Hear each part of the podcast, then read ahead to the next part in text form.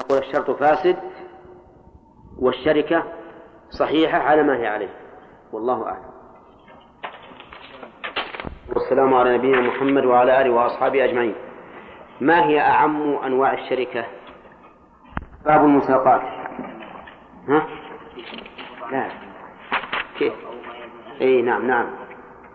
آه، أو غرامة النادرين أو ما يلزم أحدهما من الغرامة النادرة مثل الغرامة التي تكون بالحوادث. فيقول أحد الشريكين للآخر إذا وقع علي غرامة من حادث أخذته من مال الشركة. فيقول صاحبه نعم لا بأس. نقول إن هذا الشرط فاسد مفسد. لماذا؟ لأنه ربما تكون هذه الغرامة مجحفة بمال الشركة كله أليس كذلك؟ هذا الرجل اشترك مع شريكه شركة مفاوضة بمال قدره مئة ألف ثم صار على هذا الشريك حادث قدر بمائة ألف إذا إذا شرطه إذا شرط أن يكون من الشركة معناه ها؟ إيش؟ معناه أن أن أنه أجحف بالمال كله. أجحف بالمال كله. فظهر شريكه فقيرا وظهره أيضا فقير. طيب. فلا يصح هذا الشرط. ولكن هل هو فاسد غير مفسد؟ بمعنى أن الشركة صحيحة وعلى ما شرطاه من الملك والربح أو أنه فاسد مفسد. المذهب أنه فاسد مفسد. فاسد مفسد. لأنه يعود بجهالة الربح والأصل. إذ لا يدرى ماذا يحصل من الربح بعد أن تخصم منه هذه الغرامة. بل لا يدرى ما يبقى من رأس المال إذا خصمت منه هذه الغرامة. وكل شرط يعود إلى الشركة بجهالة الربح فهو مفسد لها. هذه القاعدة في الشركات. أن كل شرط يؤدي إلى جهالة الربح فهو فاسد مفسد طيب على المذهب لو تمت الشركة على هذا الشرط واشتغل في الشركة لمدة سنة ثم قيل لهما إن إن الشركة فاسدة فماذا نصنع؟ يقولون حينئذ يكون لكل واحد منهما ربح ماله ولا يشاركه الآخر فيه. ليش؟ لأن الشركة فاسدة ويكون لكل واحد منهما على الآخر أجرة مثله فيما عمله بماله. يكون على كل واحد للآخر أجرة مثله بما عمله في ماله. عرفتم؟ أحيانا يكون تكون أجرة أحدهما تجحف بمال الثاني كله ربما. قد يكون أحد الشريكين شخصا ذا خبرة في المحاسبات أو غيرها من التي يرتفع بها ترتفع بها أجرته وحينئذ يأخذ من مال صاحبه الشيء الكثير. ولهذا القول الثاني في المسألة أنها إذا فسدت الشركة فإنه يرجع إلى سهم المثل لا أجرة المثل. لأن هذا إنما أخذ المال برضا صاحبه على أساس إيش؟ على أساس الشركة. فإذا فسدت الشركة أي فسد العقد الذي اتفق عليه فإننا نرجع إلى سهم المثل. نرجع إلى سهم المثل ونقول لكل واحد منهما من الربح سهم مثله. لا السهم الذي اتفق عليه لفساد الشركة. قال المؤلف أو ما يلزم أحدهم أحدهما من ضمان غصب أو نحوه. يعني إذا اشترط ما يلزم أحدهما من ضمان غصب. وهذا غير غير الغرامة. الغرامة تأتي بغير اختيار الإنسان. والغصب باختياره. قال أحدهما للآخر في الشركة أي غصب أو سرقة تصدر من أحدنا فإنها تخصم من مال الشركة. نقول هذا لا يصح. ليش ما يصح؟ لأنه يذهب أحد الشريكين ويغصب أموال الناس ويأكله يجعلها من مال الشركة. وهذا لا يستقيم. ولا لا؟ طيب. لو أنه قال هذا واتفقوا على هذا الشرط. قال نعم أنت الآن هديك الله وأنت رجل الآن ما تريد ما تريد أكل الحرام ولا يمكن أن تغصب نبي نتفق على هذا الشرط.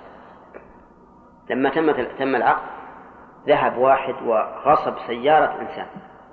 وقام يكدها. نعم. حتى تكسرت وتلفت على من تكون السيارة؟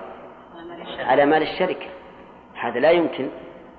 فلذلك نقول لا يصح أن يشترط أحدهما على الآخر ما يلزمه من ضمان غصب أو نحو كخيانة في أمانة ونحو ذلك لا يجوز أن يشترط لأن هذا قد يجحف بمال الشركة ويفتح باب الطمع لأحدهما والفساد. وهذا واشتراط هذا لا شك أنه غير صحيح. لكن الشركة إما أن نقول بصحتها أو نقول بفسادها ولكن نرجع إلى إيش؟ إلى سهم المثل لا إلى أجرة المثل. أظن إن شاء الله واضح؟ طيب. ثم قال المؤلف باب المساقات. المساقات مفاعلة من السقي والمفاعلة غالبا تأتي بين بين اثنين كالمشاركة والمقاتلة. والمجاهدة والمصارعة وما أشبه ذلك. المساقات لا تكون إلا بين اثنين مساق ومساقات مساق ومساق. فما هي المساقات؟ المساقات تكون على الأشجار والمزارعة تكون على الأراضي. الأشجار أن يدفع الإنسان شجرة بستانا سواء كان من النخل أو من العنب أو من الرمان أو من البرتقال أو غيره. يدفع هذا البستان بشجره إلى شخص. على أن يقوم عليه بالسقي والمصالح وله جزء من الثمر. فعندنا الآن شجر ومالك وعامل شجر ومالك وعامل. يقوم المالك فيدفع الشجر للعامل بجزء من ثمرته. يقوم عليه ويصلحه. وهذه جائزة. وإذا قال قائل أين الدليل على جوازها؟ فنقول لنا على ذلك دليلان الدليل العام وهو أن الأصل في العبادات في المعاملات الحل إلا ما قام الدليل على تحريمه. ولا والدليل الآخر أن النبي صلى الله عليه وسلم لما فتح خيبر عامل أهلها عليها بشطر ما يخرج منها من ثمر أو ذر. قال تبقون فيها على أن لكم نصف الثمرة ولنا نصف الثمرة. وبقي هذا الحكم حتى توفى النبي عليه الصلاة والسلام وحتى خلافة عمر بن الخطاب. وفي أثناء خلافته حصل من اليهود اعتداء وظلم فأجلاهم رضي الله عنه. الحاصل أن المساقات أن يدفع الإنسان بستانه الذي فيه الشجر لمن يقوم على هذه الشجر بجزء منين من ثمرها. وهي جائزة بالنص. وجائزة أيضا بالنظر الصحيح. ما هو النظر الصحيح؟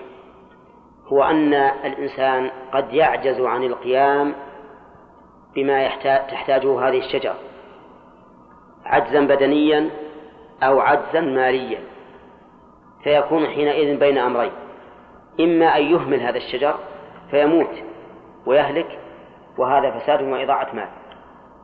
وإما أن يعطيه من يعمل به بأجرة وهذا قد يكون شاقا عليه. بأجرة بأن يقول خذ هذا البستان تقوم بسقيه ومصالحه لك كل شهر كذا وكذا. هذا جائز لكنه قد يشق على صاحب البستان خصوصا إذا كان عجزه من أجل المال. وإما أن يعطيه شخصا يقوم عليه بجزء منه من ثمره وهذا هو المساقات. فصار النظر الصحيح يدل عليها. فإن قلت إذا تكون المساقات جارية على القياس. فالجواب نعم هي جارية على القياس. خلافا لمن قال إنها جارية على خلاف القياس لأن الجزء المشروط للعامل مجهول. فإن هذا الشجر قد يثمر ثمرا كثيرا يقابل أضعاف ما أنفق العامل عليه. وقد يثمر ثمرا قليلا دون ما أنفق عليه. وقد لا يثمر شيئا. أليس كذلك؟ فيكون العامل خاسرا مئة في المئة. لذلك كان نصيب العامل مجهولا. فكانت على خلاف القياس. فيقال هذه نظير المضاربة تماما. نظير المضاربة. ليش؟ لأن المضاربة يأخذ العامل الدراهم ويسافر ويتعب. ويذهب يمينا وشمالا ويربح ربحا عظيما كثيرا. وفي النهاية يشتري سلعة تجحف بجميع الربح. إذا خسر ولا لا؟ خسر البدن وخسر المال لأن هذا الربح اللي كان متوقعا أن يحصل له نعم ذهب. ومع ذلك فهي جائزة. فإذا قال وأقول إن المضاربة على خلاف القياس أيضا. لأن العامل يتعب نعم تعبا عظيما ولا يحصل على شيء إذا خسر المال أو إذا لم يربح المال. فنقول ما هو القياس الذي تعنيه؟ القياس الذي يكون على خلافه أن يكون أحد المتشاركين غانما والثاني غارما. أما إذا اشترك في المغنم والمغرم فإن هذا على وفق القياس. وكون العامل تحت الخطر لا يعني خلاف القياس. لأن كل إنسان يعمل في هذه الدنيا فهو تحت الخطر. حتى الإنسان اللي يعمل في ماله تحت الخطر.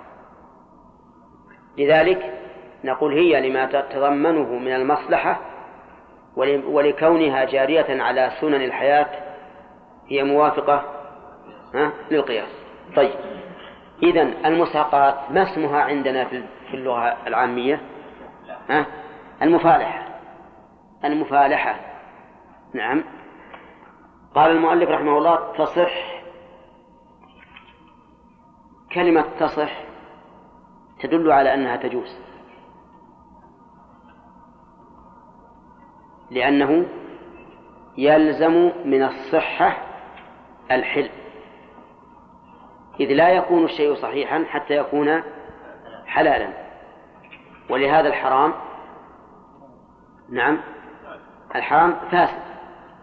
إلا ما لا, ما لا حكم له يعني ما لا يترتب عليه حكم فإنه حرام ولا يقال فاسد ولا غير فاسد كاللعن والسب والشتم والظهار وما أشبه ذلك من الأشياء التي هي حرام بنفسها ما يترتب عليها صحة وفساد فهذه تكون حراما ولا يقال صحيحة ولا فاسدة. طيب. إذا قول المؤلف تصح يلزم من الحل والجواز. ولا لا؟ طيب. يقول تصح على شجر. إذا لا بد من شجر. فلو دفع أرضا لمن يغرسها مساقاة فإنها على كلام المؤلف لا تصح. لا بد أن يكون الشجر موجودا. لكن لو دفعت إليه أرضا ليشتري شجرا على حسابي ثم هو عامل فيه بعد غرسه فهذا هذا جائز. لأنني جعلته وكيلا لي في تحصيل الشجر وغرسه ثم هو عامل بالمساقات بعد أن يغرس. قال له ثمر احترازا مما لو ساقيته على شجر لا ثمر له. مثل الأثل. الأثل له ثمر لكن ما ما هو يؤكل. فيه فيه الشجر لا ثمر له؟ ها؟ لا. الشجر الذي لا ثمر. طيب ما خالف. على كل حال فيه فيه أشجار. ليس لها ثمر. هذه الأشجار إذا إذا ساقيته عليها فإن المساقات لا تصح لأن المساقات دفع شجر لمن يقوم عليه بجزء من ثمره فإذا كمال الثمر فإذا ما لم يكن له شيء. ولكن الصحيح في هذه المسألة أنه إذا كان هذا الشجر الذي لا ثمر له مما تكون غلته بقطعه. فإن فإن المساقات عليه تصح. مثل الأثر. الأثر فيه الثمر لكنه غير مقصود. فإذا ساقيته على هذا الأثر على أن يكون له نصفه إذا قطع. فهذا لا بأس به. لأني اشتركت أنا وإياه في فيما يحصل من هذا الشجر سواء كان من ثمره أو من أصله الذي يقطع ويأتي بدله ما يخلفه. نعم. الأحسن. طيب اطلع به المسامي إن شاء الله إلى إلى خلاص الدرس. قريب له ها؟ نعم معك سيارة خلاص. أركب معه في سيارته لأن الحظ له. خل سيارتك تبقى طيب. له شجر له ثمر يؤكل. طيب له ثمر. يؤكل. فإن كان الثمر لا يؤكل لم تصح المساقات عليه. حتى وإن كان هذا الثمر مما يقصد وينتفع به بأدوية أو غيرها. وهذا فيه نظر. كلام المؤلف فيه نظر. آه، فالصحيح أنه يجوز على الشجر الذي ينتفع به بقطعه. وإن لم يكن له ثمر. ويستصح على الشجر الذي له ثمر لا يؤكل لكنه مقصود. مثل الآثل له ثمر يسمى عندنا باللغة العامية الترمع. نعم؟ ما يخالف لا مشاحة في اللفظ. هذا يؤخذ هذا الثمر ويجعل في الدباغ. يشبه القرض إن لم يكن هو القرض. تدبغ به الجلود. إذا فهو شجر فهو ثمر مقصود لكنه لا يؤكل. فعلى كلام المؤلف لا يصح لا تصح المساقات على هذا الشجر. وعلى القول الصحيح تصح. لأن القاعدة هي أن يكون للعامل شيء في مقابلة عمله. فإذا كان له شيء في مقابلة عمله من ثمر يؤكل أو ثمر لا يؤكل لكنه مقصود ينتفع به أو من قطع الشجر نفسه عند تكامل نموه فلا مانع من المساقات لا مانع. فإن قلت ما مثال الشجر الذي ينطبق عليه ما قال المؤلف؟ وش مثال لا لا لا النخل له ثمر يؤكل. العنب له ثمر يؤكل. الرمان الفواكه كلها لها ثمر ثمر يؤكل. هل يشترط في المأكول أن يقتات؟ يعني أن يكون قوتا مدخرا؟ الجواب لا. له ثمر يؤكل وعلى ثمرة موجودة. تصح المساقات على ثمرة موجودة. بأن يكون صاحب البستان بعد أن أثمر النخل انسحب من من النخل. عجز عن إتمام سقيه إلى أن يجذه فاتفق مع شخص على أن يعمل على هذا النخل بالسقي والإصلاح بجزء من الثمرة. يجوز ولا لا؟ يجوز. وهنا المساقات على إيش؟ على الثمرة. يعني معناه أنه لا فرق بين أن يسلمه الشجر قبل أن يثمر وبين أن يسلمه إياه بعد الثمر. طيب. وعلى شجر يغرسه ويعمل عليه حتى يثمر. طيب. يعني ويجوز أيضا على شجر ليس له ثمر الآن لكن له ثمر في المستقبل. يعمل عليه هذا العامل حتى يثمر فالمساقات إذن ثلاثة أنواع أو ثلاث صور. الصورة الأولى أن تكون على شجر يثمر لكن في حال عدم الثمر يجوز ولا لا؟ مثل بعد أن جدت النخيل وخلت من الثمرة ساقاه عليها. لسنوات مستقبلة. يجوز وإن كانت الشجرة حين العقد غير موجودة. الثمر قصد وإن كان الثمر حين العقد غير موجود الصورة الثانية أن يدفع إليه الشجر وفيه الثمرة وفيه الثمرة. الصورة الثالثة أن يطلب منه أن يغرس يساقيه على شجر يغرسه. فيقول ساقيته على مئة نخلة تغرسها في هذه الأرض وتقوم عليها حتى تثمر بنصف ثمرتها. يجوز ولا لا؟ يجوز. لكن قيمة الشجر على من؟ على صاحب الأرض على المالك. لأن هذا الشجر سيعود إليه فتكون قيمته عليه. طيب فيه صورة رابعة لو ساقاه على الشجر بكل الثمرة. قال لك كل الثمرة. فالمذهب أن هذا لا يجوز. المذهب أنه لا يجوز. والصحيح أنه جائز بلا شك. لأنه إذا جازت المساقات بجزء من الثمرة جازت بكل الثمرة لأن ذلك أحظ للعامل. طيب ولو ساقاه على أن يعمل ولا شيء له من الثمر. فالمذهب أيضا لا يجوز. ليش؟ لأن العامل ما ما ما, ما ربح شيئا. ولكن لو قيل بالجواز لكان له وجه. لأن العامل تبرع بنفسه. تبرع بنفسه أن يعمل في هذا البستان.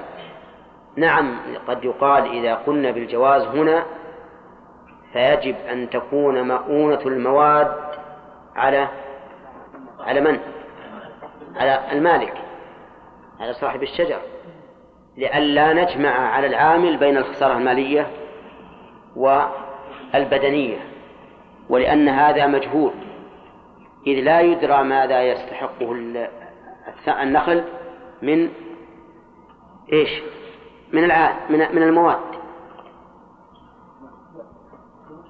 هذه ما هي بواضحة لكم. طيب. أنا مثلا عندي عندي نخل. وساقيت عليه شخصا. قلت خذ النخل هذا اعمل فيه. قال والله أنا عارف أنك محتاج ولكن أنا بعمل فيه بدون عوض بدون مقابل. عرفتم الآن؟ ترى عكس عكس الذي قلنا إن الصحيح جوازه وهو أن يدفع عليه النخل بدون وله الثمر كله. هذا بيعمل في النخل والثمر كله لصاحب المال لصاحب النخل. هذا لا يجوز على المذهب. وأقول لو قيل بالجواز بشرط أن تكون المواد على صاحب النخل. النخل يحتاج إلى لقاح. طلع الفحال الذي يشترى بالدراهم ويوضع في الثمرة. يحتاج إلى آه، مسحات يصرف فيها الماء. رشاشات ها؟ رشاشات يحتاج ربما يحتاج إلى رشاشات ربما يحتاج إلى آه، آلة يصعد بها إلى الشجرة. وتسمى الكر. تسمى عندنا الكر لكنه ليس ضد الفر. على كل حال لو قلنا بالجواز في هذه الصورة فيجب أن يقيد بأن تكون المواد على على من؟ على المالك ليش؟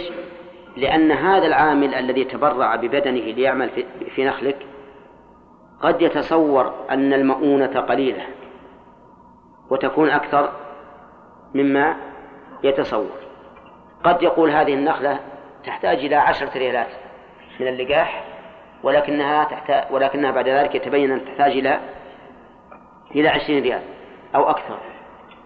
فلذلك إن قلنا بالجواز فيجب أن يقيد بأن تكون المؤونة على من؟ على صاحب المال. نعم. نعم. رب العالمين والصلاة والسلام على نبينا محمد وعلى آله وأصحابه أجمعين. سبق لنا أن المساقات هي دفع شجر لمن يعمل عليه في جزء من ثمرته. أو ثمر نعم سواء كان الثمر قد سواء كان الشجر قد أثمر ها؟ أو بعد إثماره. طيب وسبق لنا أن هذه المعاملة نوع من المشاركة وأنه يلاحظ فيها ما يلاحظ في الشركة مما سبق بأن يشترط للعامل جزء من الثمرة مشاع معلوم. وسبق لنا أنها من الأمور الجائزة لا المحرمة. وسبق لنا أيضا دليل ذلك ها؟ أن الرسول صلى الله عليه وسلم عامل أهل خيبر بشطر ما يخرج منها من ثمر أو زرع وأن النظر الصحيح يقتضي حلها لأن الإنسان قد يكون عنده أشجار لا يستطيع القيام عليها ويوجد بعض الناس عنده قدرة وليس عنده بساتين. أي أنه يوجد من الناس من عنده بساتين ولا قدرة له على العمل بها ومن الناس من ليس عنده وعنده قدرة على العمل. فكان من المصلحة أن يعطي صاحب البساتين العاجز عن القيام عليها من يقوم عليه بجزء من الثمرة. وسبق لنا أنه يشترط أن يكون على ثمر على شجر له ثمر يؤكل وأن الشجر الذي لا ثمر له لا تصح المساقات عليه والشجر الذي له ثمر لا يؤكل لا تصح المساقات عليه وأن الصحيح في هذا الجواز وأنه يجوز أن أن يساق على شجر له ثمر لا يؤكل لكنه مقصود بل وعلى شجر ليس له ثمر لكنه يقطع وينتفع بقطعته كالثمرة. وسبق لنا أيضا أنه لا بد أن يكون الجزء مشاعا معلوما وأنه لو قال ساقيتك على هذا البستان على أن يكون لك ثمر النخل الشرقي ولي ثمر النخل الغربي النخل الغربي؟ ها؟ لم لم تصح المساقات. أو على أن يكون لك ثمر الشجر الذي على السواقي والبرك دون ثمر الشجر الذي على النواشر. فهذا أيضا ها؟ لا يصح. لا يصح المساقات فيه. ولا وأنه لو قال لك ثمر السكر ولي ثمر البلح فإن ذلك لا لا يصح. وأنه لو قال ساقيتك على مئة كيلو لك والباقي لي أو مئة كيلو لي والباقي لك فإنه لا يصح. كل ذلك لأن مثل هذه الشروط تؤدي إلى المغنم أو المغرم لأحدهما دون الآخر. والأصل في الشركة اشتراك الشريكين في المغنم والمغرم. ثم قال المؤلف في بيان حكم هذا العقد من الناحية الوضعية لا التكليفية لأن الأحكام كما في أصول الفقه قسمان تكليفية ووضعية. فالتكليفية هي التي يتكلم فيها من حيث العقاب والثواب. الوضعية من حيث الصحة والفساد واللزوم والجواز. فهل المساقات عقد جائز أو عقد لازم؟ يعني إذا عقدنا اتفاقا بيننا على أن تكون فلاحا في هذا النخل في جزء من ثمرته فهل هذا العقد لازم أو جائز؟ يقول المؤلف وهي وهو عقد جائز. وهو أي عقد المساقات؟ عقد جائز. إيش معنى جائز؟ يعني غير لازم. يعني يجوز للعامل والمالك الفسخ بدون عذر. وهنا نقول إن العقود تنقسم ثلاثة أقسام. عقد لازم من الطرفين وعقد جائز من الطرفين وعقد لازم من أحد الطرفين جائز من الطرف الآخر. العقد اللازم ما لا يمكن فسخه إلا بسبب ما لا يمكن فسخه إلا بسبب أو تراض من الطرفين. واضح؟ العقد اللازم ما هو؟ ما لا يمكن فسخه إلا بسبب أو تراض من الطرفين. وإلا فيلزم كل واحد منهما أن يفي به مثل البيع والإجارة. طيب. البيع لا يمكن لأحدنا فسخه إلا برضا من الطرفين أو بسبب من الأسباب التي تبيح الفسخ. طيب آه الوكالة عقد جائز من الطرفين. يجوز للوكيل أن يفسخ الوكالة ويجوز للموكل أن يفسخ يفسخ الوكالة. ولا إثم في ذلك لا على الوكيل ولا على الموكل. العقد اللازم من أحد الطرفين دون الآخر هو ما كان فيه الحق لأحد الطرفين فلمن له الحق الفسخ ولمن عليه الحق؟ ومن عليه الحق فهو لازم في حقه ليس له الفسخ مثل الرهن. الرهن لازم من طرف الراهن جائز من طرف المرتهن. لماذا؟ لأن الحق فيه للمرتهن وعلى الراهن فالراهن لا يمكنه فسخه والمرتهن يمكنه فسخه مثال ذلك استقرضت منك مئة درهم وأرهنتك سيارة. أرهنتك سيارة.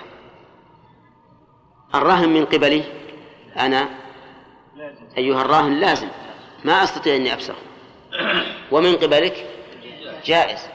فإنه يجوز لمن استقرضت منه وأرهنته السيارة أن يقول قد فسخت الرهن فتصرف في سيارتك كيف شئت. أما أنا الراهن لا أستطيع أن أفسخ الرهن لأنني لو فسخته لقال المرتهن فسخك هذا يضيع يضيع حقي فليس لك حق في الفسخ. طيب فصارت العقود الآن من حيث اللزوم والجواز ثلاثة ثلاثة أقسام. لازم من الطرفين وجائز من الطرفين ولازم من طرف جائز من طرف. المساقات هل هي كالإجارة فتكون عقدا لازما أو كالوكالة فتكون عقدا جائزا؟ المؤلف رحمه الله يرى أنها عقد جائز من الطرفين. فلكل واحد منهما الفسخ. كل واحد له أن يفسخ. العامل ومن؟ والمالك. مثاله أعطيت هذا العامل بستاني على أن يعمل فيه على النصف نصف الثمرة. فأخذ البستان. ولما مضى شهر أو شهران قال والله أنا هونت. العمل شاق ويبي يتعبني وهونت فقال المالك كيف تهونني؟ أنت الآن فوتني الزبائن. لأنه معروف أن المساقات لها وقت معين. يعني الموسم موسم المساقات معروف. عند جذاذ النخل مثلا تكون المواسم. قال أنت الآن فوتني المواسم. قال والله أنا ما أستطيع.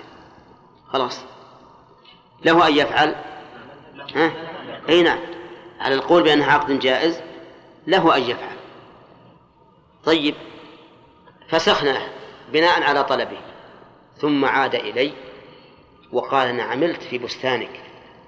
عملت فيه حرثت وصلحت وجهت الماء وسقيت النخل لمدة شهرين. أعطني الأجرة. أعطني الأجرة. فماذا أقول؟ أقول ليس لك شيء. الفسخ جاء من قبلك فليس لك شيء. كمل ولكن السهم الذي اتفقنا عليه. ولهذا يقول المؤلف وهو عقد جائز لكل منهما فسخها. فإن فسخ المالك قبل ظهور الثمرة فلا شيء فللعامل الأجرة. وإن فسخ هو أي العامل فلا شيء له. ل... ها؟ وش؟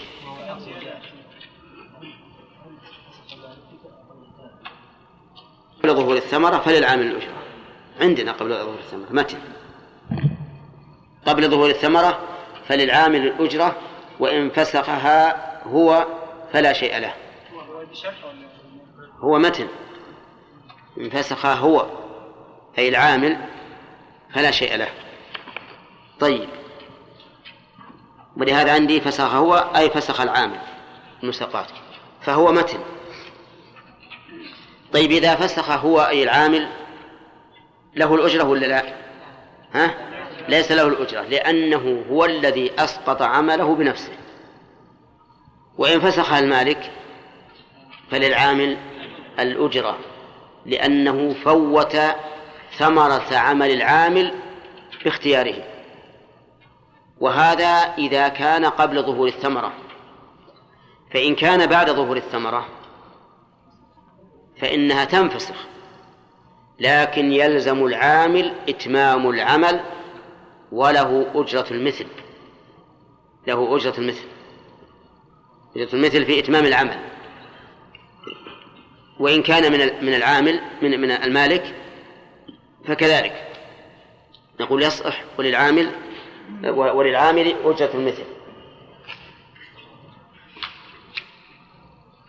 وقال بعض العلماء إنه إذا كان بعد ظهور الثمرة ألزم العامل بإتمام العمل وصار على وصار على ما شرطه.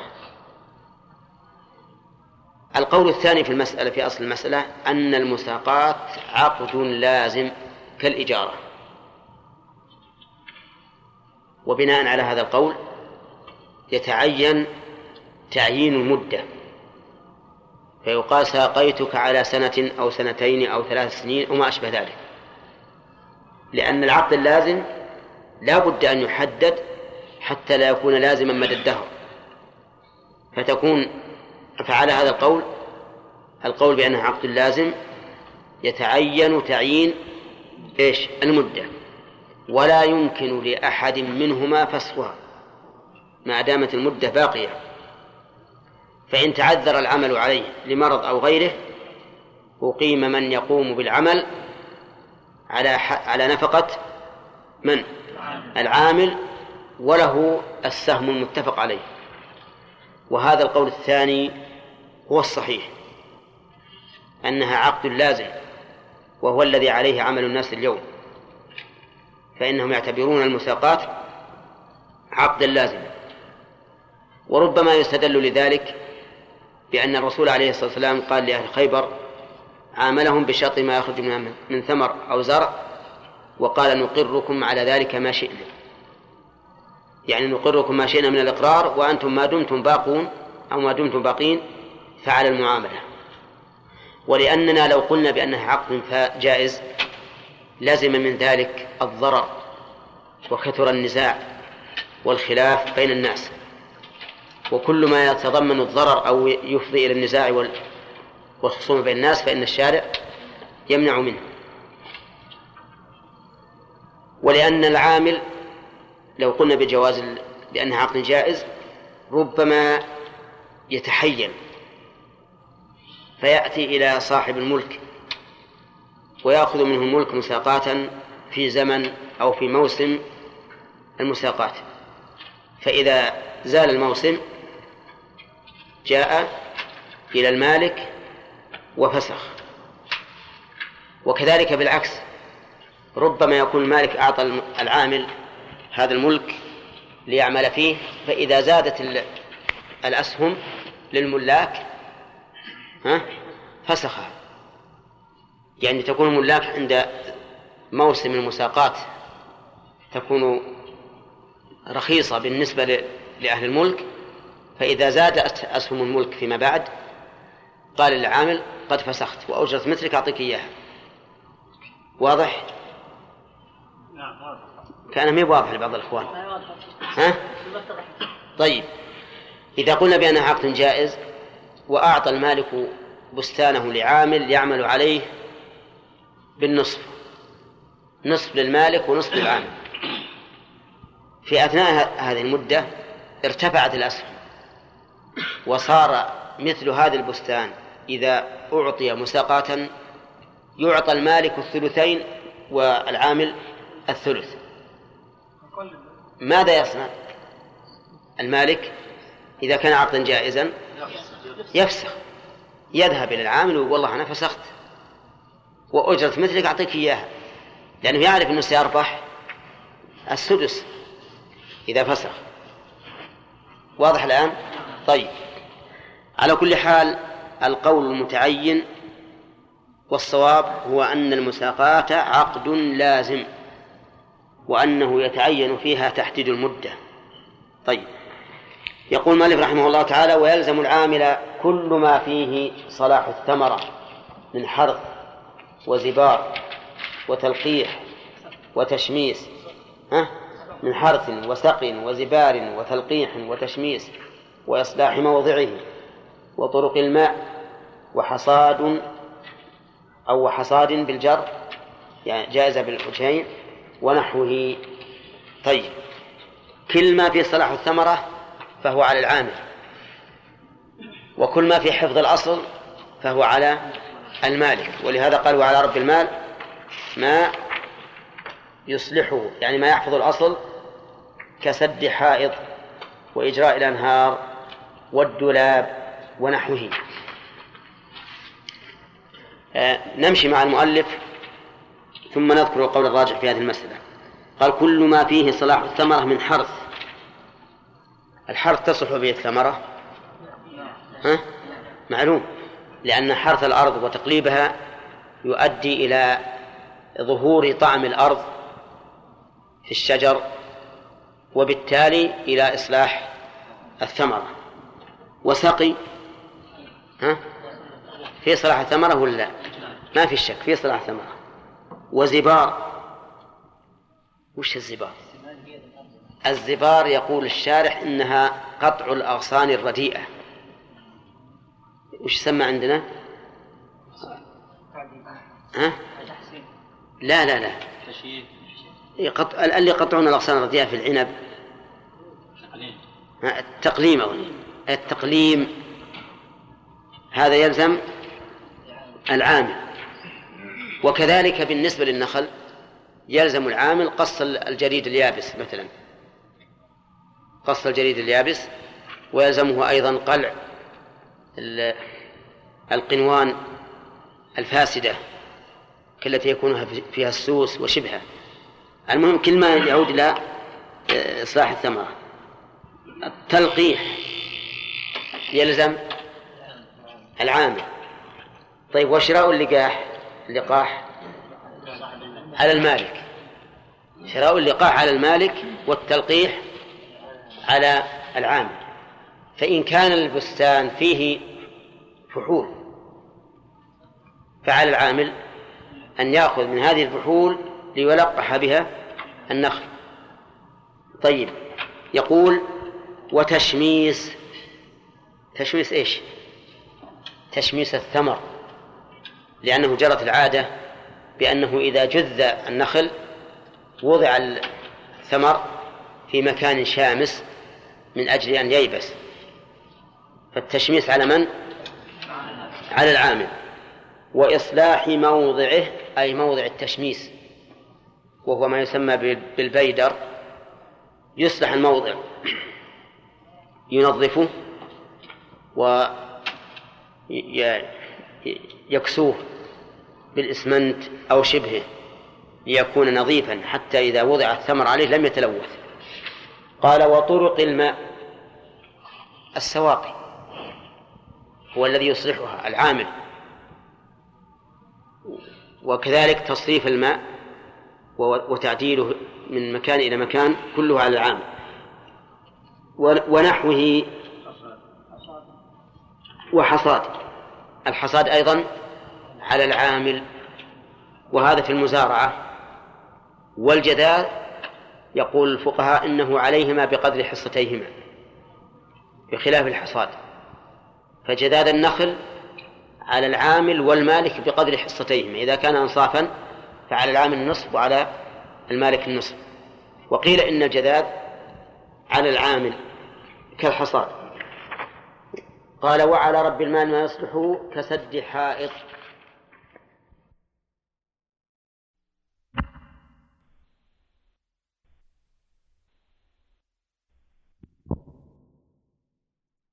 والباقي أعيان. المسألة الأولى الباقي من رأس المال. هذا الفرق بينهما. فالتنظير يكون للجميع. نعم.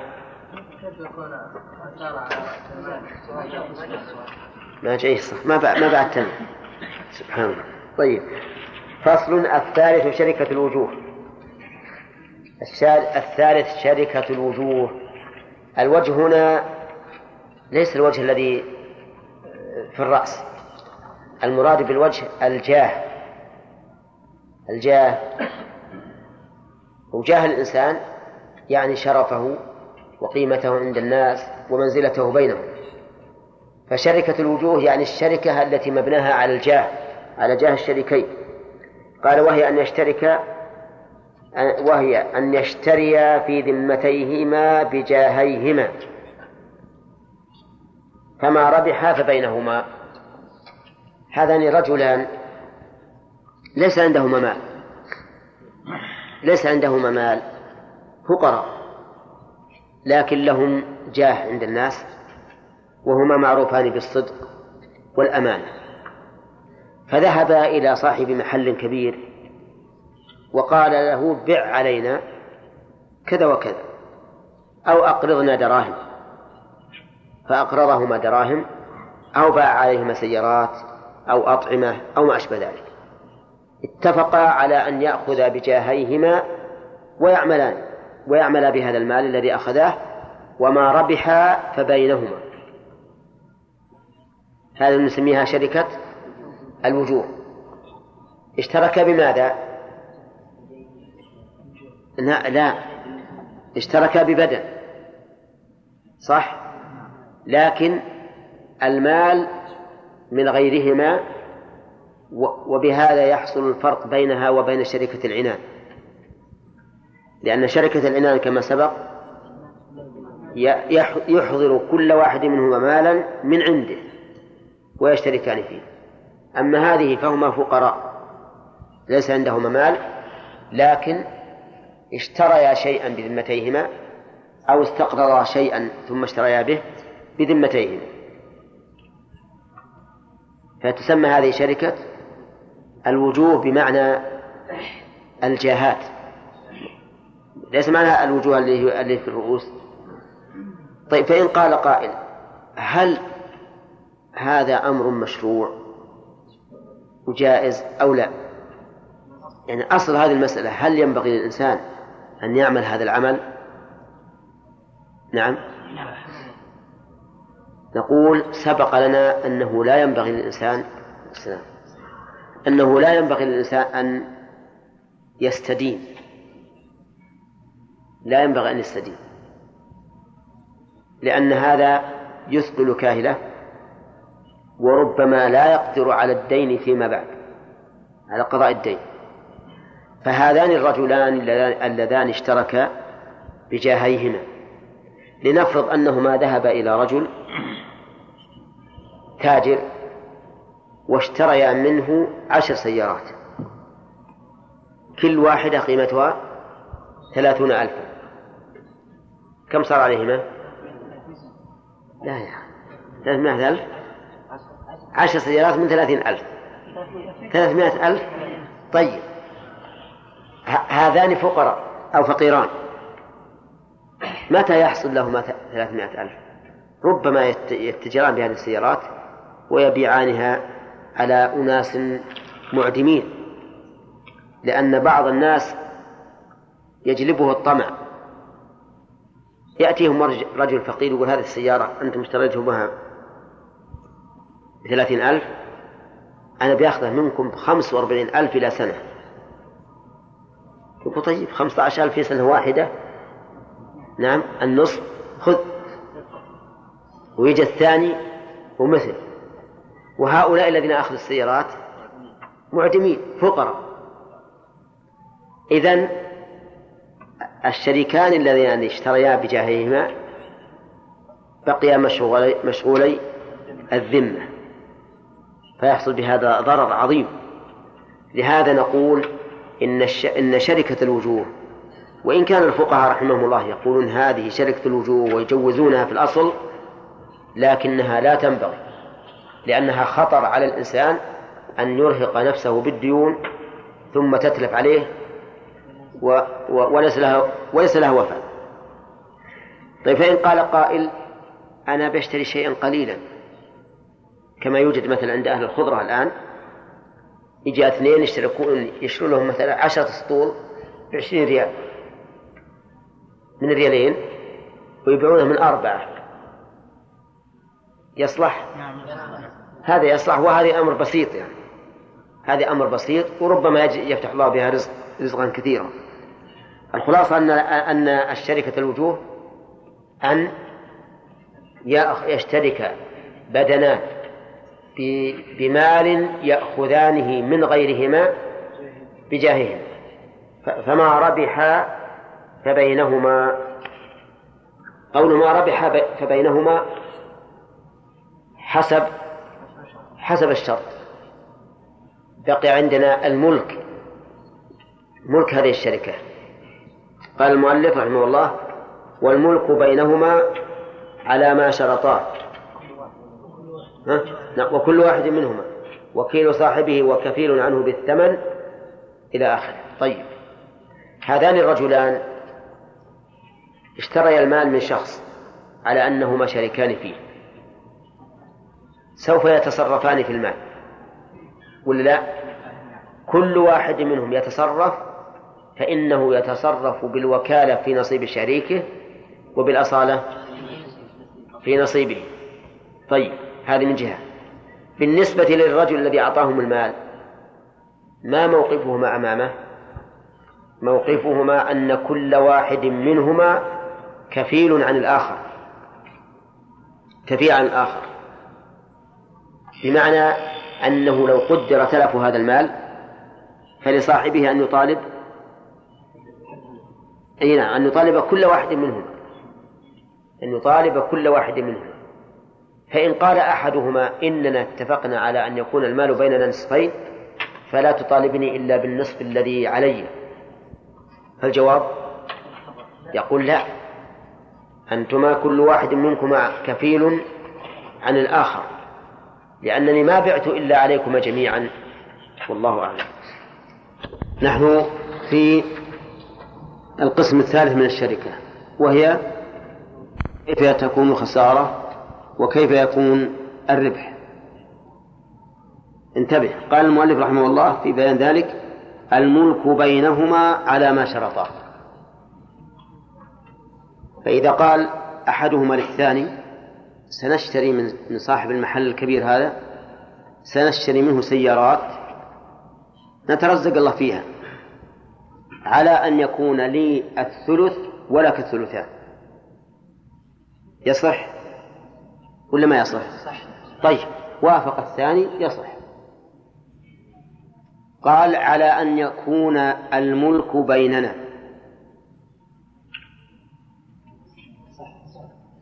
يصح؟ أنصاف يعني. طيب على أن يكون لك الربع ولي ثلاثة أرباع. يصح. الدليل نقول عندنا دليل عام. وهو أن الأصل في المعاملات إيش؟ الحل. حتى يقوم دليل على المنع. هذا هو الأصل. الأصل في المعاملات الحل حتى يقوم دليل على المنع بخلاف العبادات فالأصل فيها المنع حتى يقوم دليل على الإذن. طيب. دليل آخر. المسلمون على شروطهم. المسلمون على شروطهم فيكون على ما اشترطاه. ممكن أن نقول دليل آخر. يا أيها الذين آمنوا أوفوا بالعقود. فما تعاقد عليه الناس يجب الوفاء به. الأمر الثاني الوضيعة يعني الخسران على قدر ملكيهما. فإذا اتفقا على أن يكون لأحدهما الربع وللآخر ثلاثة أرباع وخسر فالخسارة تكون بينهما أرباعا على صاحب الربع ربعه وعلى صاحب الأرباع ثلاثة أرباع. لو قال لي الربع ولك ثلاثة أرباع والخسارة أنصاف. لا يجوز لأننا حينئذ نحمل صاحب الربع أكثر من خسارة ماله. وتحميلنا إياه أكثر من خسارة ماله معناه إضافة شيء من ماله إلى مال الآخر. ولا لا؟ وهذا أكل للمال بالباطل. أكل للمال بالباطل. لا هذا صحيح. ننظر الآن. قلنا لك ثلاثة أرباع ولي, ولي, ولي ربع. خسرنا أربعمائة. خسرنا أربعمائة. وقد قلنا إن إن الخسارة أنصافا يكون على يكون على صاحب الربع. ها؟ زيادة. فمعنى ذلك أننا اقتطعنا من ماله شيئا أضفناه إلى مال الآخر. بدل ما يكون على صاحب ثلاثة الأرباع ثلاثمائة صار عليه مئتان. ولا لا؟ وهذا لا يجوز. هذا لا يجوز.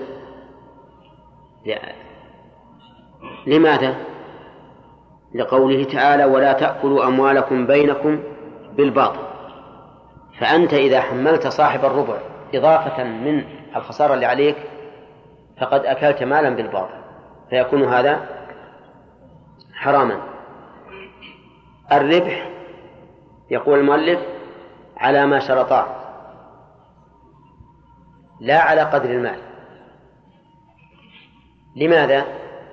لأن الربح قد يكون نتيجة للعمل. قد يكون نتيجة للعمل. ولا ريب أن الناس يختلفون في العمل في النشاط فيه في الحذق. نعم. هذا أيضا ربما يسافر وهذا لا يسافر. المهم أن الربح على ما اتفق عليه. فإذا اتفقا على أن الملك بينهما اشتريا من هذا التاجر بضاعة على أن الملك بينهما أنصافا جائز؟ ها؟ جائز؟ جائز. على ما شرطه. طيب. قال وعليك من الخسارة الثلث الثلثان وعلي, وعلي الثلث. لا يجوز؟ طيب. لأن لأن الخسارة على قدر المال. قال ولك من الربح الثلث ولي الثلثان. هذا جائز. جائز. لأنها لأن الربح يعود أحيانا إلى عمل. ولهذا نعطي المضارب يعمل والمال كله مني وله نصف الربح مثلا.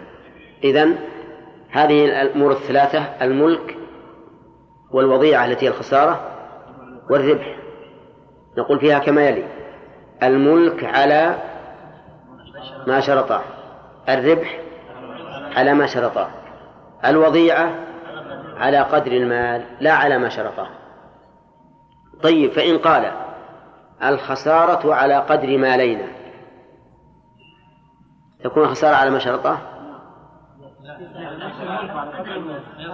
وهذا انتبه الآن. قال الخسارة على قدر ما لينا ها؟ إذا كانوا أثلاثا نقول خسر أثلاث يصح الشرط ولا لا؟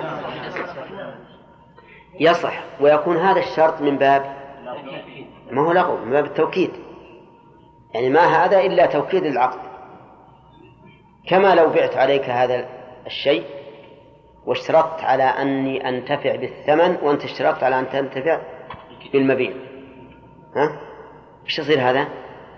تأكيد. ولا؟ تأكيد. أي نعم. طيب يقول المؤلف رحمه الله الرابع شركة الأبدان. شركة الأبدان ما فيها مال. ليس عندهما مال يشتركان فيه. ولا أخذا مالا من غيرهما بجاههما. إنما اشتركا في أبدانهما. قال المؤلف وهي أن يشتركا فيما يكتسبان بأبدانهما. إذن هذان الشريكان ليس عندهما مال أو عندهما مال لكن لا يريدان أن يشتركا في المال. وهذه تكون بين النجارين والحدادين والحطابين والحراثين وغيرهم ممن يعملون بالبدن ويشتركون في المغنم. قال فما تقبله أحدهما من عمل يلزمهما فعله. نقول يلزمهما بالجزم لأن يلزمهما جواب الشرط. كيف ذلك؟ ما شرطية. وتقبل فعل الشرط ويلزم جواب الشرط. يعني فأي فأي عمل تقبله أحدهما يلزم الشريكين فعله يلزم الشريكين فعله نحن قلت إنه يلزم الجزم هنا مع أنه من الناحية العربية يجوز الرفع. كما قال ابن مالك وبعد ماض رفعك الجزى حسن ورفعه بعد مضارع وهن. فهنا تقبل ماضي فيجوز أن نرفع المضارع الذي هو جواب الشرط. لكننا لو رفعنا جواب الشرط هنا لأوهم أن تكون جملة يلزمهما صفة لعمل. يكون التقدير فما تقبله أحدهما من عمل لازم فعله لهما وهذا يخل بالمعنى. أما إذا قلنا بالجزم يلزمهما فإنه يزول هذا الاشتباه. على كل حال معنى العبارة أن أحد الشريكين المشتركين في الأبدان إذا تقبل عملا ها لازم الآخر لزمهما جميعا فعله. لزمهما جميعا فعله.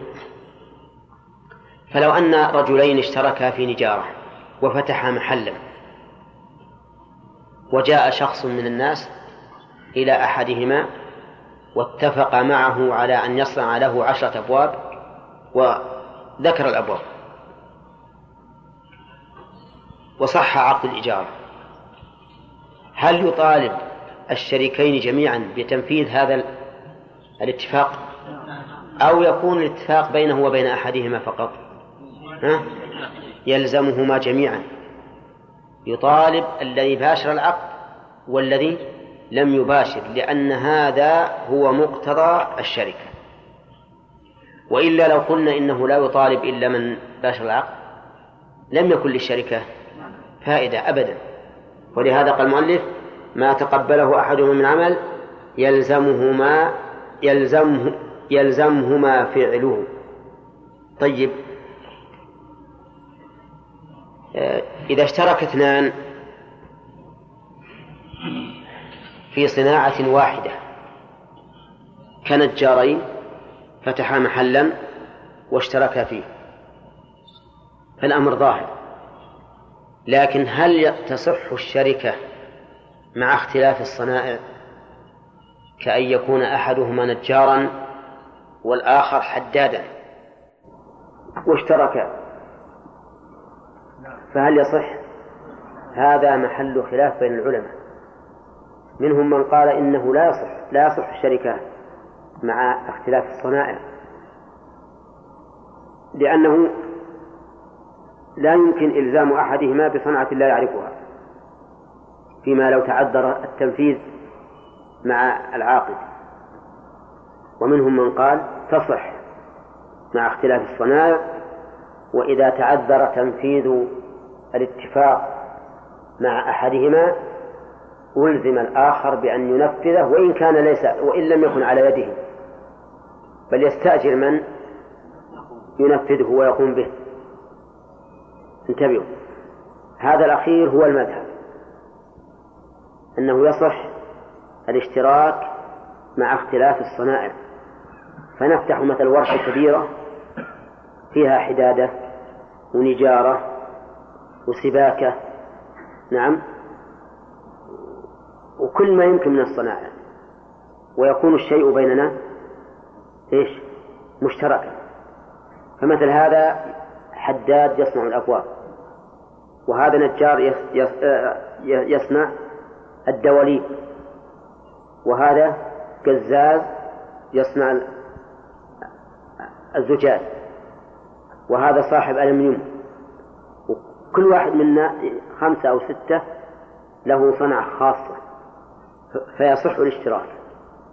ويكون ما قدره الله من الربح يكون بيننا واستمع يقول المؤلف وتصح ولكل واحد منهما. لا. وتصح في الاحتشاش والاحتطاب وسائر المباحات وإن مرض أحدهما فالكسب بينهما. وإن طالبه الصحيح أن يقيم مقامه لزمه. تصح في الاحتشاش؟ وهذا عمل بدني ولا لا؟ يشترك يشترك اثنان. ها؟ يشترك اثنان. يخرجان إلى البر. يحتشان ويبيعانه في السوق. يصح. تصح أيضا في الاحتطاب يشترك اثنان في في الحطب. يقول نخرج إلى البر ونحطب ونبيعه في السوق ويكون بيننا. طيب سائر المباحات مثل الصيد المعادن الأحجار النفيسة السمك وغيرها من الأشياء التي تكون بعمل البدن. فسواء كان العمل صنعة ومهنة كالنجارين والحدادين وما أشبه ذلك أو كان العمل اجتناء وتحصيل فإنه يصح تصح الشركة. وتسمى هذه شركة شركة الأبدان. قال المؤلف إن مرض أحدهما فالكسب بينهما. يعني هذان الشريكان اشتركا في عمل نجارة. وتم العقد معهما على بيع على على نجارة باب أو بابين. في أثناء العمل مرض أحدهما. وأتم الثاني العمل. يكون الكسب بينهما. فإن قال العامل الذي أتم العمل العمل الذي انفردت به لا يشاركني فيه الآخر. يعني الاتفاق نضرب مثلا ليكون أوضح. الاتفاق على بابين. لما صنع الشريكان الباب الأول مرض أحدهما وأتم الثاني الباب الثاني. فقال الذي أتم نحن في الباب الأول شريكان أما في الباب الثاني فهو لي. فماذا نقول؟ نقول هذا ليس بصحيح لأن الشركة لا تنفسخ بالمرض. فالشركة إذن باقية. والأجرة بينهما على ما شرطاه فإذا قال كيف يحل له أن يأخذ شيئا لم يعمل فيه شيئا؟ لم يعمل مقابله شيئا؟ فالجواب أن الأصل بقى الشركة. أن الأصل بقاء الشركة وأن كل واحد منكما مطالب بما التزم به الآخر. فأنتما شريكان في المغنم وشريكان في المغنم. ثم نقول له لماذا لما رأيت أخاك قد مرض لماذا لم تطالبه بأن يقيم من من يقوم مقامه؟ أليس هذا هو الواجب؟ نعم. يقول كان كان الذي ينبغي أنه لما رأ أنك لما رأيته قد مرض طالبته بأن يقيم مقامه مقامه وأن يساعدك في العمل. ولهذا قال وإن طالبه الصحيح وإن طالبه الصحيح أن يقيم مقامه لزمه. فإن أبى قال خل واحد منك يشتغل معي. خل واحد من قبلك يشتغل معي. قال لا. أنا إذا كنت صحيحا عملت معك وإلا فلا أستطيع. فللآخر فسخ الشركة. يقول إذا كنت الآن لا تقيم معي من يقوم مقامك فإنني أفسخ الشركة. وله أن يفسخ ولا لا؟ نعم له أن يفسخ. فإن قال قائل كيف تمكنونه من الفسخ وقد تم العقد بينه وبين صاحبه وهما شريكان؟ قلنا لكن تعذر العمل من قبل صاحبه. ولا يمكن أن ينفرد هذا بالعمل ونقول إن صاحبك يشاركك وهو لم يعمل. فله أن يفسخ. الصواب مقامه ولا مقامه؟ نعم. مقامه. إذا كان من الرباعي فهو بضم الميم. وإن كان من الثلاثي فهو بفتح الميم. فتقول مثلا قام الرجل مقام أخيه. ولا مقام أخيه؟ قام الرجل ها؟ مقام أخيه. لأنه من قام الثلاثي وتقول أقمت الرجل مقام أخيه. مقام. ولا تقل مقام أخيه. ثم قال مالك رحمه الله في عندي بالشرح مسألة مهمة. قال وإن اشترك على أن يحمل على دابتيهما والأجرة بينهما صح.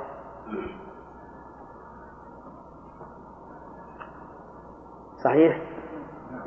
وش مقابل الدابة في الطرق الحاضر السيارة. اتفقا صاحب سيارتي شحن على أن يعمل بسيارتيهما وما رزقهم الله فهو بينهما. نقول هذا هذا جائز ولا بأس به لأن فيه تعاونا ولأن أحدهما ربما يكون الحظ في أن ينصرف إلى هذا الوجه والآخر ينصرف إلى إلى وجه الآخر. فيقول أحدهما إذا فاتني الربح في وجهي لم يفتني في وجه شريكي ومثل المثل الثانية؟ قال ويصح دفع دابة ونحوها لمن يعمل عليها وما رزقه الله بينهما على ما شرطه. هذه أيضا مفيدة جدا. يكون عندي سيارة وأقول لهذا الرجل السائق خذ هذه السيارة كدها. وما حصلت من الأجرة فبيننا على ما شرطناه. يجوز؟ يجوز. ما الذي يشبه ذلك مما تقدم؟ المضاربة. هذه تشبه المضاربة لأن المضارب يعطي المضاربة مالا ويكون الربح بينهم. هذا يعطيه دابة وتكون الأجرة آه السيارة قصدي وتكون الأجرة بينهما.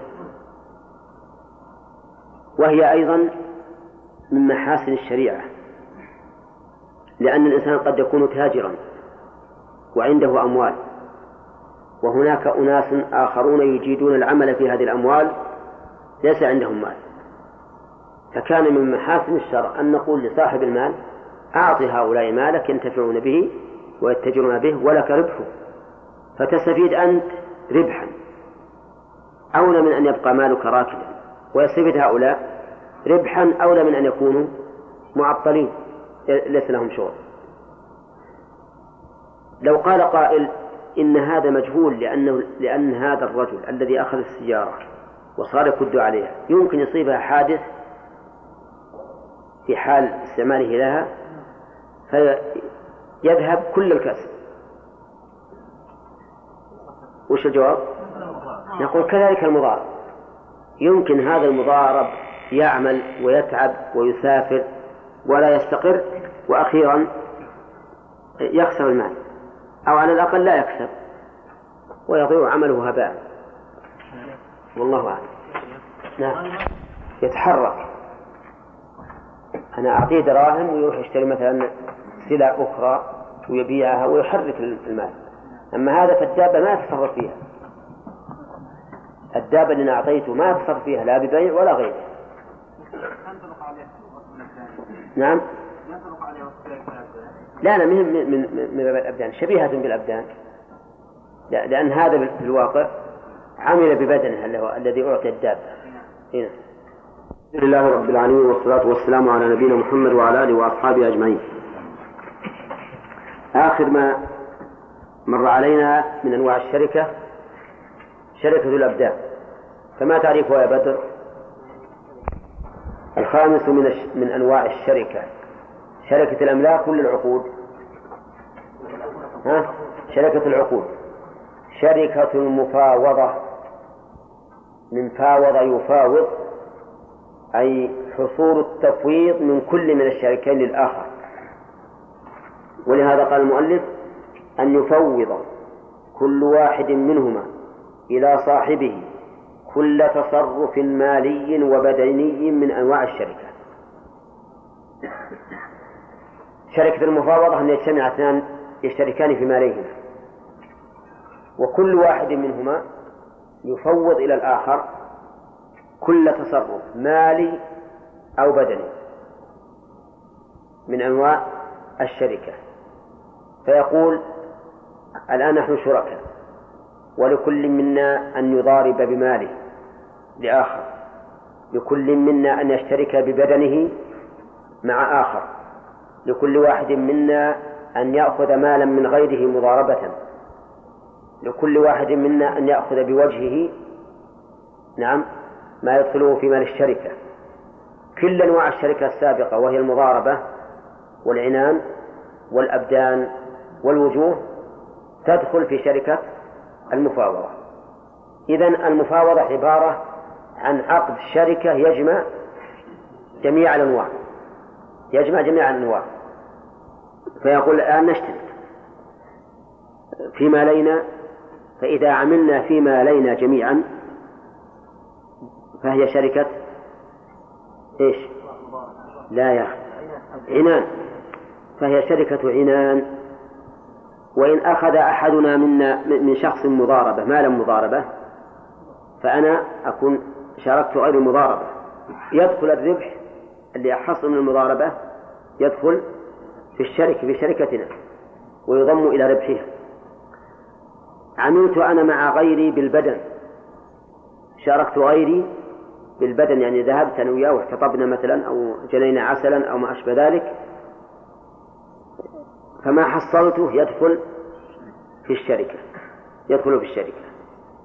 المهم أن هذه الشركة عقد شامل لجميع أنواع الشركة فيما بيننا وفي وفي تصرفنا مع غيرنا. ولهذا قال كل تصرف مالي وبدني من أنواع الشركة. فهذا النوع الخامس هو أوسع الشركات أوسع الشركات. لكنه لا يخرج عن إطار إيش؟ عن إطار أنواع الشركة. لا يخرج عن إطار أنواع الشركة. فيجمع عنانا مش بعد مضاربة وأبدانا ووجوها. كل الأنواع يشملها وهذا في الغالب يحصل بين شريكين اتفقا من أول الأمر كون رأس مال واستمرا يعملان فيه. كما يوجد مثلا في شركة الراجحي وشركة وشركات أخرى ما يحضرني الآن عدها لكن عدها لكن هي معروفة. كل واحد من الشريكين مفوض يعمل ما شاء من أنواع إيش؟ من أنواع الشركة. طيب. بعدين. قال المؤلف والربح على ما شرطاه الربح على ما شرطاه لقول النبي صلى الله عليه وسلم المسلمون على شروطه. والوضيعة بقدر المال. ولا يمكن أن تكون على ما شرطاه لأن ذكرنا أن القاعدة في الشركة أن الوضيعة على على قدر المال. لا يمكن أن يكون على أحدهما خسارة أكثر من نسبة ماله. فإذا كان ماله بالنسبة إلى من الشركة الربع كان عليه من الخسران الربع فقط. لو جعلنا عليه أكثر لكان هذا حراما لأنه يستلزم أكل المال بالباطل بغير عوض. يقول المؤلف فإن أدخل فيها كسبا أو غرامة نادرين أو ما يلزم أحد أحدهما من ضمان غصب أو نحوه فسدت. وش اللي يفسد؟ تفسد الشركة. ويكون لكل واحد منهما أجرة عمله فقط. لأن القاعدة إذا فسدت الشركة في كل الأنواع فللعامل أجرة عمله على المشهور من المذهب. وسبق لنا أن القول الصحيح أن للعامل سهم مثله سهم مثله لا أجرة مثله لأن هذا العامل يعمل على أنه شريك لا على أنه أجير فنقول إذا فسدت رجعنا إلى البدل والعوض وهو سهم المثل لا أجرة المثل. نرجع الآن إلى حل المؤلف كلام المؤلف. إن أدخل فيها كسبا كسبا نادرا. الكسب النادر مثل أدخل فيها الميراث. فقال في الشركة ما حصل لنا من ميراث فهو بيننا فهو داخل في الشركة. هذا لا يجوز. لماذا؟ قالوا لأنه يتضمن غررا كثيرا وجهالة كثيرة. قد يموت لأحدهما رجل يملك ملايين الدراهم. رأس مالهم كل واحد جاب مئة. يعني اشتركوا شركة المفاوضة في مئة. وقالوا ترى كل ما حصل لأحدنا من شيء من كسب وكل ما حصل على أحدنا من غرامة فهو داخل في الشركة. نعم؟ هذا فيه غرر جهالة مات لأحدهما رجل هو عاصبه وخلف مئة مليون ريال. ها؟ وش يصير؟ هذا يعني أطاح بكل الشركة. لو يبدون يعملون بشركتهم يمكن مئة سنة ما حصلوا مئة مليون ريال. ومع ذلك حصلوه بلحظة. نقول هذا لا يصلح إذا الميراث يختص به أحدهما. الذي يرث له ولا يدخل في الشركة. طيب. كذلك إذا إذا أدخل فيها غرامة نادرة يعني ما تتعلق بالعمل. مثل قالوا كل ما حصل على أحدنا من غرامة في حادث فهو داخل في الشركة. هذا لا يجوز. لأنه ربما يحصل على أحدهما حادث يجحف بكل مال الشركة. إذا قدرنا إذا قدرنا أن مال الشركة كله أن مال الشركة كله إذا قدرنا أنه مائة ألف. وحصل حادث من أحدهما مات به رجل. ودية الرجل مائة ألف. إذن ذهب مال الشركة كله في هذا الحادث الذي حصل من أحدهما. فلا يجوز أن نجعل ما يغرمه الإنسان من الغرامات النادرة داخلا في الشركة. أما الكسب الذي ليس بنادر والغرامة التي ليست بنادرة فهي داخلة بالشركة بلا شك. مثال الكسب الذي ليس بنادر. كسب الإنسان من تحصيل شيء بسيط يحصل له أو هبة يسيرة أو هدية يسيرة كهدية الساعة والقلم والمسجل والراديو والأشياء البسيطة هذه. هذه لا بأس أن تدخل في الشركة. أما الشيء النادر فلا يدخل في الشركة. الغرامة التي ليست بنادرة مثل أن يحصل على أحدهما غرامة بسيطة بسبب عمل عمله غير متعلق بالشركة وأما العمل المتعلق بالشركة فهذا وإن كان كثيرا فهو داخل في الشركة. فالحاصل أن الغر الذي لا يتعلق بعمل الشركة والكسب النادر الذي لا يتعلق بعمل الشركة هذا لا يجوز إدخاله في الشركة. وقال الشافعي وقال أبو حنيفة وسفيان الثوري وجماعة من العلماء إنه يجوز إدخال الكسب النادر في الشركة. ولا مانع. ما دام الرجل أو ما دام الشريكان قد رضي بذلك فما المانع؟ بأن يقول كل واحد منهما للآخر ما حصل لنا من ميراث أو غيره فهو داخل في الشركة. فإننا نقول فإنهم يقولون إنه لا بأس بذلك. لا بأس بهذا. ولكن الذي يظهر لي أن المسألة تحتاج إلى تفصيل. تحتاج إلى تفصيل. فيقال فيها ما كان داخلا بغير فعل من الإنسان ولا اختيار. بغير فعل منه ولا اختيار. فإنه ينبغي أن لا يدخل في الشركة.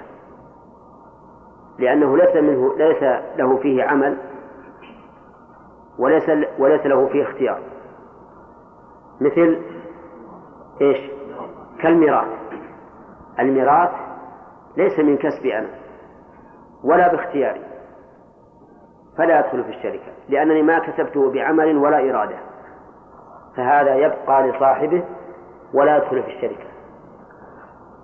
وما كان بكسب مني وعمل كالتقاط وشبهه فهذا لا بأس أن ندخله في الشركة. وإن كان نادرا لأن كون الإنسان يجد لقطة هو أمر نادر لكنه يتملكه باختياره ولا ولا قهرا عليه؟ باختياره. مثال ذلك أحد الشريكين وجد ذهبا يساوي مئة ألف. وعرفه سنة. إذا عرفه سنة ولم يجد صاحبه يدخل في ملكه ولا لا؟ يدخل في ملكه. لكنه في الحقيقة حصل بفعله وباختيار منه. لأنه لو شاء لم يلتقط هذه اللقطة. والميراث لا يأتي فيه مثل ذلك. فهذا نقول إنه يدخل في الشركة لأنه من جنس الاحتشاش والاحتطاب والاصطياد وشبهه. دخل ملكه بفعله مش بعد؟ واختياره. القسم الثالث ما كان باختياره دون فعله. مثل أن يوهب له هبة. أن يوهب له هبة فهنا الهبة لا تدخل في ملكه إلا بقبولها. إلا بقبوله فهذه يحتمل أن أن نلحقها بالميراث ويحتمل أن نلحقها بالالتقاط وشبهه. فلينظر إلى أيهما أقرب. هل هي أقرب إلى الميراث أو أقرب إلى ما ملكه بفعله واختياره؟ ها؟ إذا نعم هي يحتمل. إنما إن قلنا بأنها أقرب إلى الأخير صح إدخالها في الشركة ونقول ما ما قبله أحدهما من هبة وأدخله في الشركة فلا بأس. لأن هذا دخل في الشركة باختياره كسبا وتشريكا. وإن قلنا إنه يشبه الميراث لأن هذا الموهوب له لم يعمل أي عمل قلنا بأنه لا يجوز إدخال ذلك لأنه من الجائز إذا أدخل فيها ما يوهب لأحدهما أن يأتي شخص ويهب له المال الكثير. فإذا قلنا لا بد أن يدخل في الشركة ويكون صاحبك شريكا لك فيه فقد يجحف به. على كل حال أصل المسألة فيها للعلماء إيش؟ قولان أحدهما جواز إدخال الكسب النادر. لأن كل واحد منهما اختار ذلك. سواء كان هذا الكسب النادر بتملك قهري أو بتملك اختياري وسواء كان بفعل الإنسان أو بغير فعله والقول الثاني أنه لا يجوز أنه لا يجوز خلوا مكانه يلقى صاحبه. القول الثاني أنه لا يجوز إدخال الأكساب النادرة. إدخال الأكساب النادرة. فإن أدخل فيها الكسب النادر فسدت ولم تصح. لأن أصل الشركة مبنية على الاشتراك في أنواع الشركة الأربعة. لا في كل شيء. ولكن القول الراجح عندي كما أسلفت لكم. أن هذه الأكساب تنقسم إلى ثلاثة أقسام. أحدها أكساب قهرية لا إرادة للإنسان فيها ولا فعل. فهذه لا تدخل في الشركة ولا يجوز اشتراطها اشتراط دخولها. الثاني ما يحصل بفعل من الإنسان. وإرادة مثل الالتقاط اللقطة يجدها الإنسان فيأخذها وينشدها سنة كاملة ولا يوجد صاحبها فتكون له. القسم الثالث ما أخذه بهبة ونحوها مما تملكه بإرادته وفعله فبإرادته واختياره. فهذا متردد بين القسمين. فإما أن نلحقه بالقسم الأول الميراث أو بالقسم الثاني الالتقاط هذا بالنسبة لما إذا أدخل فيها كسبا نادرا. ولكن على يعني لو قيل على القول بالفساد إنه يفسد الشرط دون العقل.